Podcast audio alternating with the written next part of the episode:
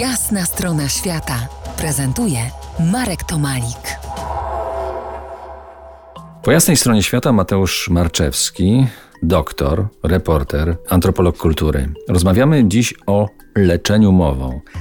Czy taką uzdrawiającą mowę można kojarzyć z modlitwą? No, oczywiście, że tak. Mnóstwo jest wzorców, które w jakiś sposób wpisują się w leczenie mową. Mamy w Europie Środkowej, szczególnie w, w Kościele Wschodnim i, i, i, właściwie w ludowości wschodniej mamy mocną, mocną reprezentację właściwie modeli chrześcijańskich. Zresztą w Amazonii też, też ten, ten synkretyzm właściwie jest obecny, to znaczy, że szamani korzystający z tradycyjnych nauk gdzieś pod wpływem obecności misjonarzy wplatają pewne elementy do, do, swoich praktyk, które, do swoich praktyk, które wynikają właściwie z chrześcijaństwa. Ważne jest chyba tutaj coś innego. Ważne, wydaje mi się, że ważne jest nie tyle, nie tyle ta, ta, to repozytorium, ta skrzynka z narzędziami, którą Curandero czy, czy Znachor operuje, ale pewnego rodzaju głębokie rozumienie pacjenta, ale przede wszystkim również głęboka intencjonalność. To znaczy, pytanie, czy każdy może leczyć mową, wydaje się, że jedyna odpowiedź jest e, następująca. No nie każdy chyba może leczyć mową, ponieważ nawet jeżeli pacjent będzie bardzo chciał uwierzyć w ten potencjał leczenia, nie każdy jest w stanie wykrzesać z siebie, używam tutaj słowa wykrzesać, bo nie wiem jak inaczej to nazwać, bo to właściwie trudno jest do zdefiniowania z pola, z pola nauki, tą charakterystyczną moc, którą posiadają szeptuchy.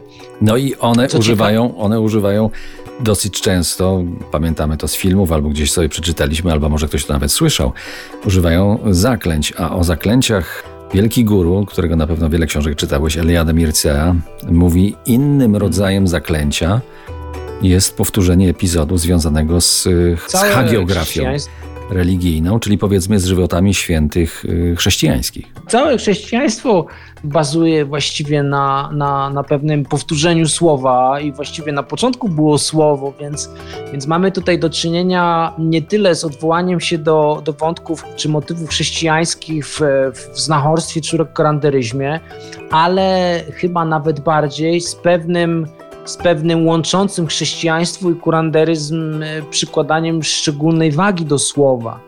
Nie wiadomo, co było pierwsze tak naprawdę. Pewne jest, że pierwsze było czy, czy był kuranderyzm i, i, czerpał z chrześcijaństwa, czy odwrotnie. A może pierwsza była choroba? może pierwsza była choroba. Pierwsza, pierwsza, była choroba i właśnie myślę, że to no, jest, to i podobnie jak inne, wspaniała pętla. Tak, i podobnie jak inne cierpienia ludzkie, ta choroba może stanowić uprzywilejowany moment modlitwy ale ma ona również jeszcze jeden, jeden bardzo ważny aspekt w niej się objawia, ponieważ wszędzie tam, gdzie dochodzi do sytuacji, w której rzeczywistość nas przerasta, to znaczy, że stajemy się podmiotem, który walczy o przetrwanie, moc słowa i moc kuranderyzmu wzrasta. Czyli to nie są działania, które są działaniami powiedzmy o charakterze zabobonu, bo one mają bardzo wymierne skutki społeczne, o tak bym powiedział.